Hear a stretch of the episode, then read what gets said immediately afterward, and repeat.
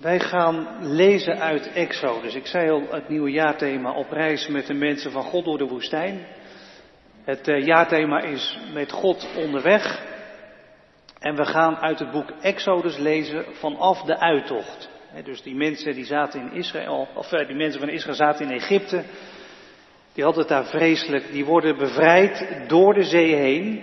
En dan gaan ze op reis. Een hele lange reis beginnen eh, met God. We lezen even een klein stukje uit Exodus 13. Dat geeft een soort uh, nou ja, aanwijzing voor die reis. En dan beginnen we te lezen uit Exodus 15. Exodus 13, vers 17 en 18. Toen de farao het volk had laten vertrekken, leidde God hen niet langs de weg die door het gebied van de Filistijnen loopt. Ook al was dat de kortste route. God dacht namelijk, als ze de strijd moeten, zouden moeten leveren, konden ze wel eens spijt krijgen en teruggaan naar Egypte. Daarom liet hij het volk een omweg maken en door de woestijn naar de Rietzee trekken. De Israëlieten waren als een geordend leger uit Egypte weggetrokken. En dan in hoofdstuk 15. Vanaf vers 19. Toen de paarden, wagens, ruiters van de farao de zee in waren getrokken, had de Heer het water over hen heen terug laten stromen. Maar de Israëlieten waren dwars door de zee gegaan, over droog land. De profetes Mirjam, Aarons zuster, pakte haar tamboerijn en alle vrouwen volgden haar, dansend en op de tamboerijn spelend. En Mirjam zong dit refrein. Zing voor de Heer, zijn macht en majesteit zijn groot. Paarden en ruiters wierp hij in de zee. Van de Rietzee ging Israël in opdracht van Mozes weer verder, de woestijn van Sur in. Drie dagen trokken ze door de woestijn zonder water te vinden. En toen kwamen ze in Mara. Het water van Mara konden ze echter niet drinken. Zo bitter was het. En vandaar ook dat die plaats Mara heet. Het volk begon zich bij Mozes te beklagen. Wat moeten we drinken? zeiden ze. Mozes riep de Heer aan en de Heer wees hem op een stuk hout. Toen hij dat in het water gooide, werd het zoet. Daar in de woestijn gaf de Heer hun wetten en regels en daar stelde hij hen op de proef.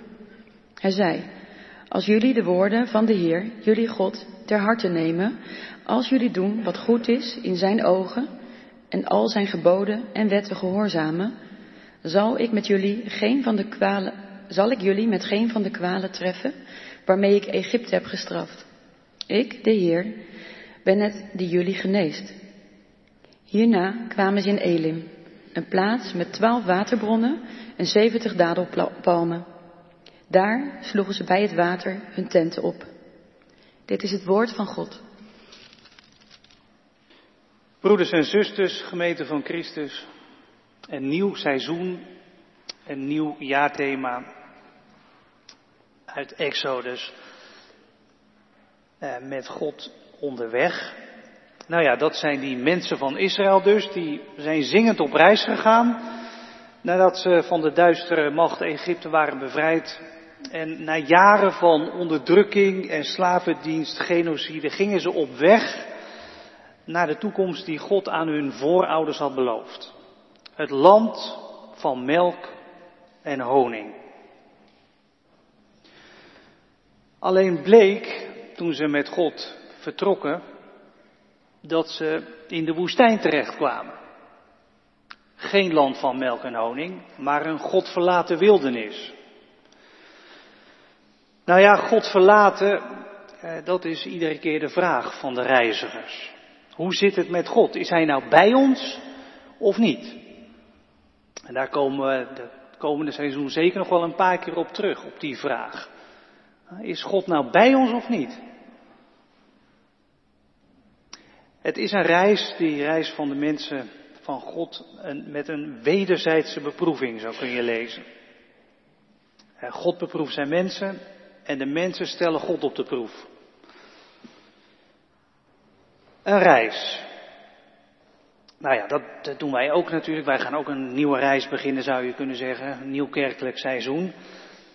En misschien heb je ook wel een klein beetje een soort exodusgevoel. Dat we nu na lange tijd van beperkingen door die pandemie weer meer kunnen samenkomen in de kerk. Thuis samen zingen. Hopelijk eh, verdwijnt die anderhalve meter hier in de kerk. Lijkt me heerlijk om hier koffie te drinken in de kerk. Je weet niet eens meer hoe de koffie hier, hier eh, proeft eigenlijk. Uh, Exodusgevoel. We, we, gaan, uh, we gaan weer op reis met z'n allen. Weer, weer meer samen reizen. En even afgezien van het kerkelijk leven. misschien dat je dat ook privé hebt, of misschien, dat, dat zal ongetwijfeld. de hoop dat het weer normaler wordt. Niet meer, niet bevrijd van dat virus, maar hopelijk niet meer zo gevangen door dat virus. Toch een beetje exodus. Maar waar gaat het ons brengen? Eh, privé en als gemeente? Ja, dat weet je natuurlijk niet. Hè. Misschien komen wij in de woestijn. Komen we na een tijd van dorst bij een bitter watermeer. Wie zal het zeggen? Misschien heeft onze reis ook wel iets van een wederzijdse beproeving tussen God en ons. De reis die die mensen van Israël maken, die staat niet op de kaart. Er worden door de verteller wel allerlei plaatsaanduidingen gegeven, maar die zijn voor ons totaal niet meer te achterhalen. Historici weten niet eens waar ze de Sinaï precies moeten situeren. De, de rustplek waar ze, waar ze God gaan ontmoeten, halverwege. Geen idee waar dat precies is. Er zijn heel veel opties. De route is niet uit te stippelen op de kaart. In de kringbundel voor de Bijbelkringen staat een kaartje, daar heb je drie mogelijke routes, hè, die historici hebben bedacht hoe het zou kunnen zijn gegaan. De reis staat niet op de kaart. Eigenlijk is dat ook wel ontzettend passend natuurlijk, want het lastige van, van een levensreis, ook van jouw levensreis, is dat de reis ook niet op de kaart staat. Je hebt, je hebt geen kaart waar je een route uit kunt stippelen. Je maakt natuurlijk wel plannen en je hebt een planning. Je hebt zo je ideeën waar het heen moet, maar, maar we hebben geen kaart. Zeker niet. Je weet niet waar de reis je gaat brengen. De reis brengt Gods mensen in elk geval dus in de woestijn, hè, dat is duidelijk. En je vraagt je waarom dat eigenlijk zo is. Waarom stuurt God die mensen in vredesnaam de woestijn in? Er was er geen makkelijkere weg naar het beloofde land. Een shortcut dat je er snel zou zijn. Ja, dat is natuurlijk wel een vraag. Misschien dat jij die ook wel eens aan jezelf stelt. God is met zijn wereld, met zijn mensen op weg naar zijn toekomst. Maar was er nou geen makkelijkere weg om bij Gods nieuwe wereld uit te komen met z'n allen? dan de weg die we nu als mensen gaan en de, de levensweg die jij gaat. Soms vraag je je misschien wel af of God je niet op een doodlopende weg heeft gestuurd. Of, of dat God misschien zelf de weg is kwijtgeraakt. Soms zie je zoveel ellende bij, bij één leven terechtkomen dat je denkt, nee, dit klopt niet. Dit is geen goede route. Wat is dit voor reis? Ja, de kortste weg van Egypte naar het beloofde land, die loopt ook niet door de woestijn. Die loopt langs de Middellandse Zee, door het gebied van de Filistijnen. En we hebben in Exodus 13 een klein stukje gelezen waarin de schrijver vertelt dat God bij zichzelf dacht, ja, de kortste weg, dat is langs de Filistijnen, maar dat kan alleen maar oorlog opleveren. Dan, dan denken de mensen zeker, we gaan terug naar Egypte. Dan komen ze nooit aan in het beloofde land. Dan loopt de bevrijding direct dood. Dus blijkbaar was door de woestijn reizen dan nog de beste weg. Maar het was een wederzijdse beproeving, absoluut.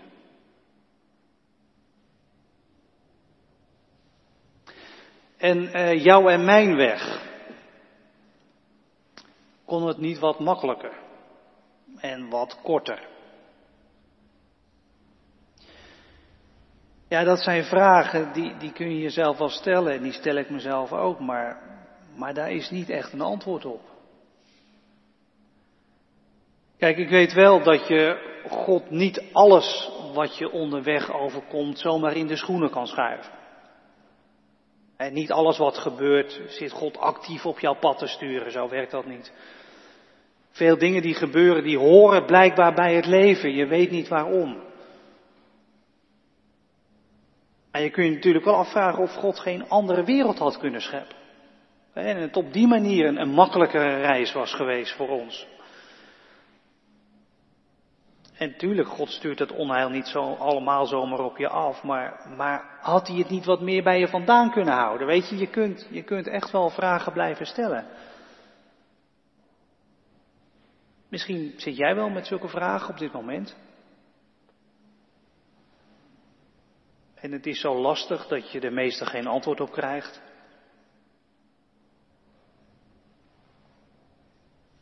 Ja, er, er is één antwoord. Het, het diepste woord dat God gegeven heeft. En dat is dat Hij zelf onze woestijn is binnengestapt. Door mens te worden in Jezus. En, en Jezus heeft, heeft het ondergaan. De beproeving in de woestijn. Hij heeft het allemaal meegemaakt, wat wij ook meemaken. Blijkbaar zag God geen andere weg voor zich dan de weg die wij gaan. En blijkbaar zag hij geen andere weg dan in Jezus zelf die weg van ons gaan. En Jezus is de dood binnengegaan om onze doodlopende woestijnweg een, een toekomst te geven en een doel, een, een richting. Hij maakt de weg begaanbaar door onze weg te gaan.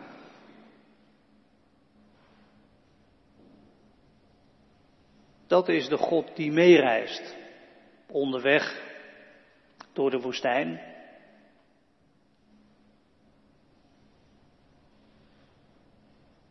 Ja, de vraag is eigenlijk deze, durf je mee met hem? Met deze God. Een nieuw seizoen. Durf je met God mee? En, en durf je te vertrouwen dat, dat als, hij, als hij jouw hand pakt en, en jij gaat mee, dat hij niet verdwaalt met jou. Dat hij wel echt de weg weet.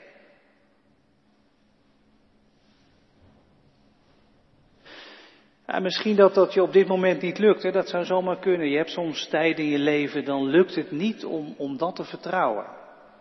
En ik zou zeggen, als dat zo is bij jou, blijf naar Jezus kijken. Blijf naar Jezus kijken. En, en kijk of zijn aanwezigheid je vertrouwen weer wakker roept. Maar hij is zelf onze weg gegaan. En wij hebben geen routekaart, maar Jezus is de weg, zegt hij.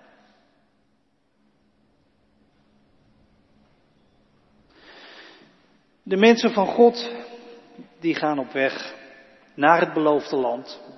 En na een paar dagen lezen we in het verslag, zitten ze zonder water. En ze beginnen te klagen, logisch natuurlijk. Als je dorst hebt en er is geen water, dan is er een terechte klacht. Zeker als je bij een plek komt waar wel water is wat je niet kunt drinken, omdat het bitter is. Misschien werden ze er ook wel ziek van. Mara. Maar juist bij zo'n plek blijkt dat, dat de wereld toch geen desolate woestijn is en, en geen godverlaten wildernis. Met alleen maar bitter water en alleen maar chaos. Juist bij, bij zo'n plek als Mara kan, kan zomaar duidelijk worden dat Gods schepping, ja, toch schepping van Hem is. En, en die wereld waarin je reist toch zijn schepping is. En dat er ingeschapen mogelijkheden zijn om bitter soms in zoet te veranderen. Hier lees je dat, dat er een stuk hout is, waarschijnlijk een tak of zo, zoiets kan dat betekenen, dat Hebreeuwse woord, een tak met een bast en bladeren die een genezende inwerking hebben op dat bittere water.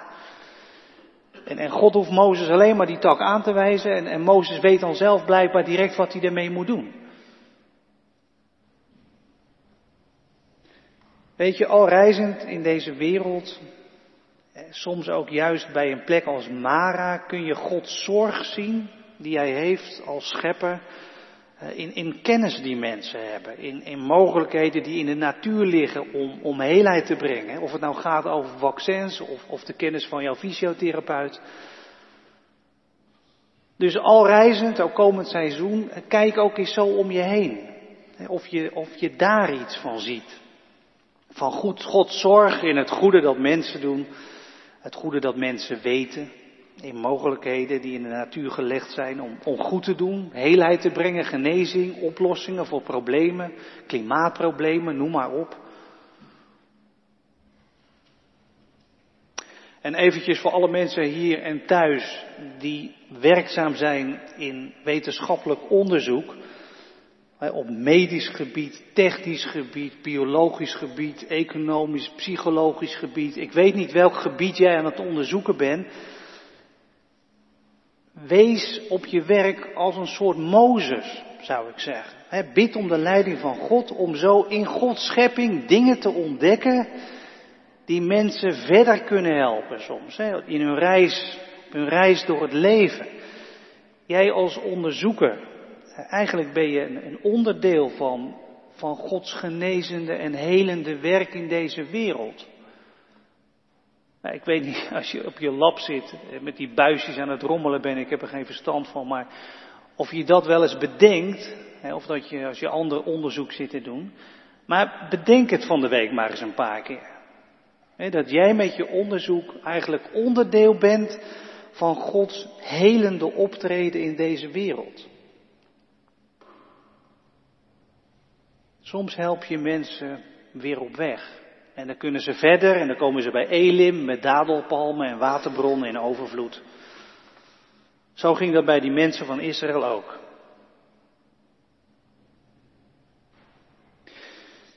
Nou is er nog één ding in de lezing van vandaag eh, waar ik ook nog even met jullie naar wil kijken. Dat verslag wat die verteller geeft van die reis, dat onderbreekt hij eventjes door te zeggen aan het einde van het stuk wat wij lazen, dat die reis van die mensen van God, dat dat voor God een proef is. Dat, dat klinkt misschien wat, wat klinisch, alsof God proefjes met ons aan het doen is. Maar je moet het je zo voorstellen. God heeft zijn mensen bevrijd. God heeft jou bevrijd. God heeft in Jezus zichzelf gegeven om jou te bevrijden. En, en nu wacht God, zou je kunnen zeggen. Op jou. En, en wacht hij of jij ook over de brug komt. Of je, of je echt met hem mee durft gaan. In die zin is, is ook de reis die wij maken met elkaar en de reis die jij persoonlijk maakt voor God een soort proef. God, God komt jou tegemoet, geeft zichzelf in Jezus, geeft je bevrijding en nu, nu is Hij benieuwd wat er gebeurt. Hoe, jij verder reist, hoe jij reist. Of je bij je bevrijder blijft. En, en God geeft zijn mensen toen en, en ook vandaag hele serie met, met aanwijzingen voor het leven. We lazen vanmorgen een stukje uit gelaten vijf, maar er is veel en veel meer te vinden natuurlijk, soort leefregels om God te dienen. Want, die bevrijding uit het Egypte, dat is niet een bevrijding om vervolgens maar te doen wat je wilt, maar een bevrijding om met God te kunnen leven. En God is niet een soort dictator die jou willekeurig allemaal regeltjes op gaat zitten leggen. God kent jou. God kent zijn schepping. God weet hoe het werkt. Zijn aanwijzingen zijn wegwijzers. Door de woestijn heen. Wegwijzers voor een goed leven. En, en als je je daar niet mee, mee bezig wilt en er tegen ingaat, ja, dan kan dat alleen maar nadeel brengen. Dan, dan zul je anderen beschadigen. Je zult de schepping van God beschadigen. Je zult jezelf beschadigen dan ben je eigenlijk bezig om de plagen van Egypte over je heen te halen. Dat, dat zegt God ook in de woorden van die schrijver. God zegt, hou je aan mijn aanwijzingen, dan, dan word je niet getroffen door de plagen van Egypte. Dan laat ik je niet over aan de gevolgen van je foute keuzes. Dat zegt God, hou je aan mijn aanwijzingen, ik kijk of je het doet, want, zegt God, ik ben de Heer die, en dan zou je verwachten, Tenminste, dat verwachtte ik dat het dan verder zou gaan met, ik ben de Heer die jullie beoordeelt, hè, die jullie beproeft. Dus hou je aan mijn aanwijzingen, want ik ben de Heer die jullie beoordeelt. Maar dan staat er opeens iets heel anders, wat ik totaal niet had verwacht. Er staat, want ik ben de Heer die jullie geneest. Dat is apart eigenlijk. God die, die kijkt naar jouw leven, hoopt dat je met hem meegaat. Je leven oordeelt, ja, dat doet God. Maar, maar dat zegt God niet hier. Hij zegt, ik ben de God die geneest. Ja, de God die, die met ons meereist. Die onze hand heeft gevraagd. Die ons vraagt voor een levenslange relatie en, en hoopt op onze trouw, die ons beproeft. Dat is een God die geneest. Die dus heel maakt wat er kapot ging, die wonden laat helen. En soms duurt dat heel worden je, je hele levensreis lang. Maar het groeit zeker. God is een God van heelheid. En zelfs als jij hem in de steek laat, en misschien gelaten hebt, misschien wel op dit moment, en daar wellicht ook wel negatieve gevolgen van ondervindt, dan nog is God een God die geneest. Die je terugroept en je zijn heelheid geeft, zijn vergeving.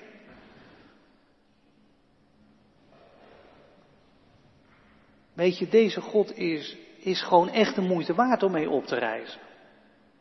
Een God die, die meereist, die de weg weet, een God die heelheid geeft.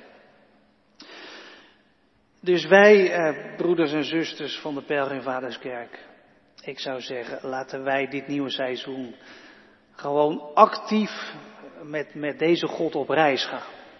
Laten we dat gewoon voornemen met elkaar. Wij gaan op reis met deze God. Eh, samen, zou ik zeggen. Want alleen reizen door de woestijn, dat is bijzonder onverstandig. Er zijn wel mensen die dat redden, maar niet veel, denk ik. En in je eentje geloven, dat is ook heel lastig. En dat hebben heel wat mensen in de coronatijd mij ook wel verteld.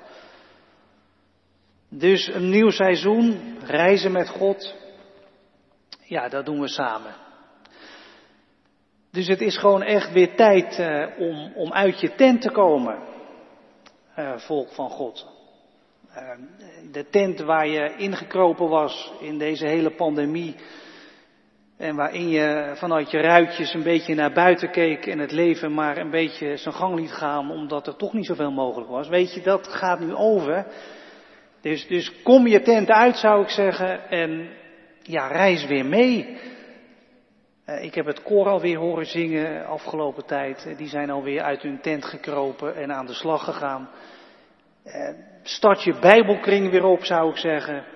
En als je nieuw bent hier, sluit je aan bij een Bijbelkring. Je kunt je na de dienst wel bij iemand melden, of, of nog beter.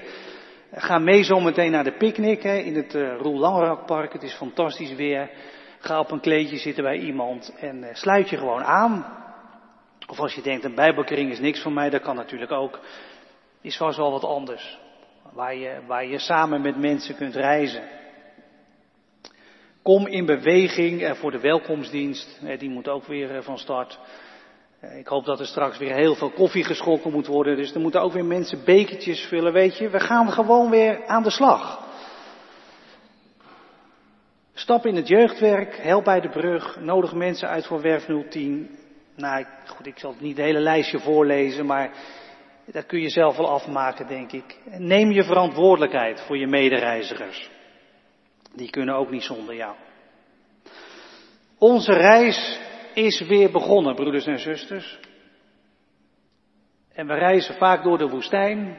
Soms komen we langs oases. We hebben geen overzichtelijke routekaart, maar wij hebben een God die meereist en die geneest, die geeft heelheid. Wij hebben een gids. En Jezus is de weg. Amen.